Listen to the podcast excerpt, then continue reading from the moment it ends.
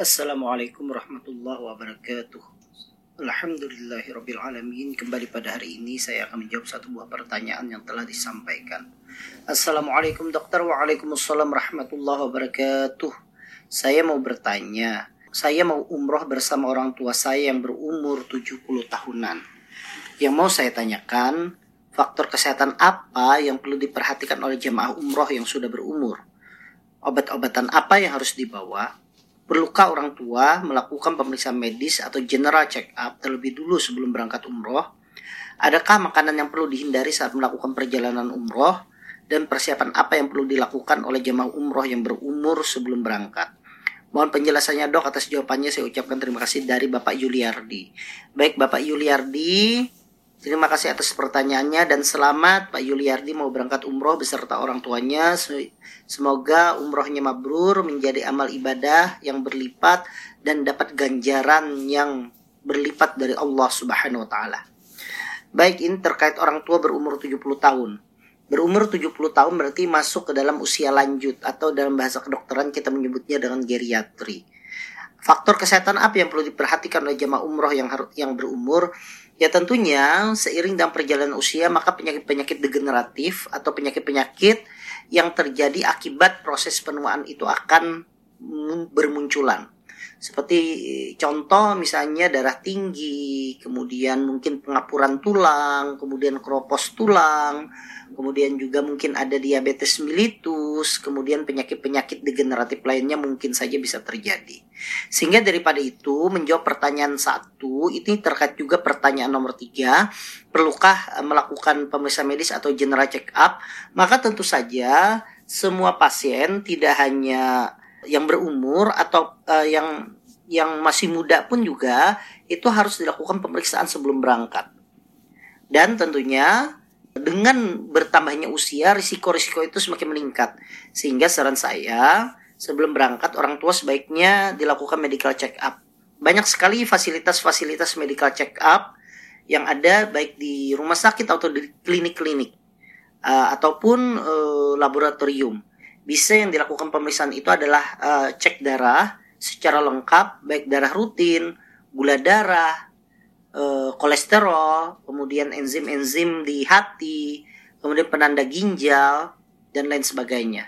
Termasuk mungkin kalau perlu dilakukan ronsen dada, kemudian USG untuk melihat organ-organ di dalam perut, itu kalau diperlukan. Nah, kalau itu didapatkan maka tentunya sesegera mungkin diberikan pengobatan dulu agar aktivitas umrohnya tersebut menjadi lebih lancar. Kemudian tentunya sebelum berangkat umroh diperhatikan juga bahwa berdasarkan pengalaman saya yang dulu juga pernah menjadi petugas kesehatan haji bahwa lansia ini sangat rentan terhadap penyakit-penyakit terutama infeksi paru atau pneumonia. Eh, penyebabnya bagaimana? Karena adanya tertularnya infeksi melalui pernafasan. Sehingga selain vaksin seperti meningitis, saya sarankan untuk lansia juga dilakukan vaksin influenza.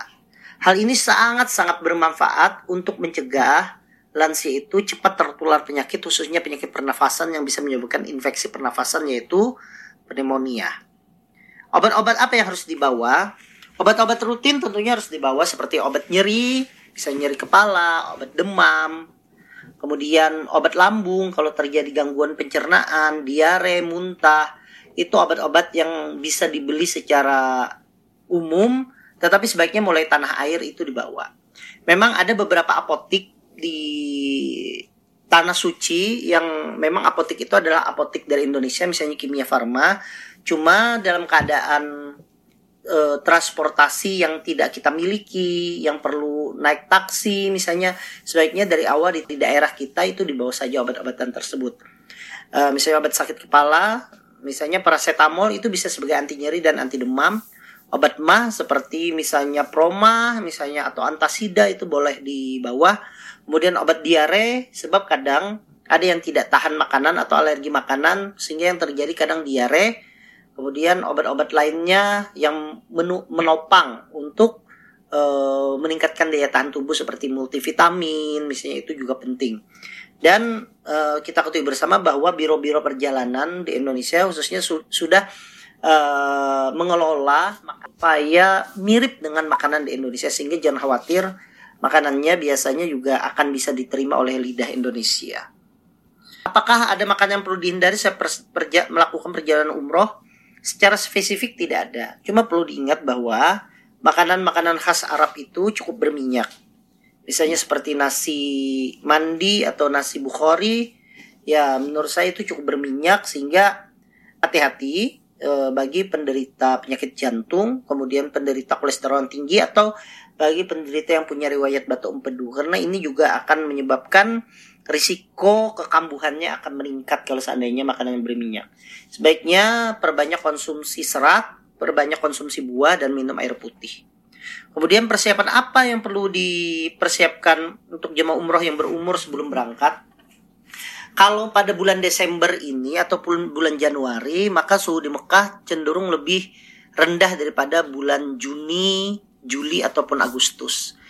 Suhunya itu uh, walaupun memang cukup rendah tetapi tetap alat perlindungan diri itu harus dipersiapkan. Seperti sandal karena kadang kalau seandainya panas itu lantai di Masjidil Haram itu terasa sangat panas sehingga tidak terasa itu kulit-kulit di bawah itu menjadi kemerahan. Terutama pada penderita diabetes mellitus atau kencing manis, kadang tidak merasa tiba-tiba sampai di hotel itu kaki menjadi kemerahan dan melepuh. Nah itu sangat berbahaya. Sehingga alat pelindung diri seperti sendal itu wajib dibawa ke mana-mana. Payung sebaiknya dibawa. Kemudian kacamata untuk menghindari silaunya sinar matahari pada saat melakukan aktivitas ibadah, baik ibadah umroh ataupun pada saat melakukan perjalanan religi untuk melihat tempat-tempat uh, yang uh, bersejarah. Kemudian uh, memakai masker sebenarnya uh, memang sekarang uh, jemaah umroh ataupun haji dibebaskan untuk tidak memakai masker. Cuma saran saya tetap memakai masker. Tujuannya adalah untuk menjaga uh, tidak ter ter apa namanya tidak menghirup banyak debu. Kalau seandainya banyak debu pada saat itu Kemudian juga untuk menghindari virus lainnya atau bakteri lainnya karena pada saat berdesakan uh, itu tentunya akan menyebabkan uh, orang menjadi sangat-sangat rentan terinfeksi uh, bakteri ataupun virus mulai pernafasan. Selain itu perlindungan lainnya kalau seandainya panas itu saya sarankan kalau seandainya ini bulan Juli, Juni, Juli atau Agustus maka bawa semprotan air jadi pada saat uh, terik itu menyebabkan penguapan cairan itu di tubuh menjadi meningkat sehingga sangat rentan terjadinya dehidrasi atau kekurangan cairan terutama pada lansia sehingga semprotan air itu sangat-sangat mengurangi penguapan yang yang bisa menyebabkan dehidrasi. Tentunya cukup minum juga diperlukan pada lansia agar tidak terjadi dehidrasi. Sedapat mungkin tidak langsung berada di bawah sinar matahari. Kalau seandainya terlalu lama pada saat melakukan ibadah itu cari tempat yang naung agar tidak tidak terlalu silau ataupun tidak terlalu panas.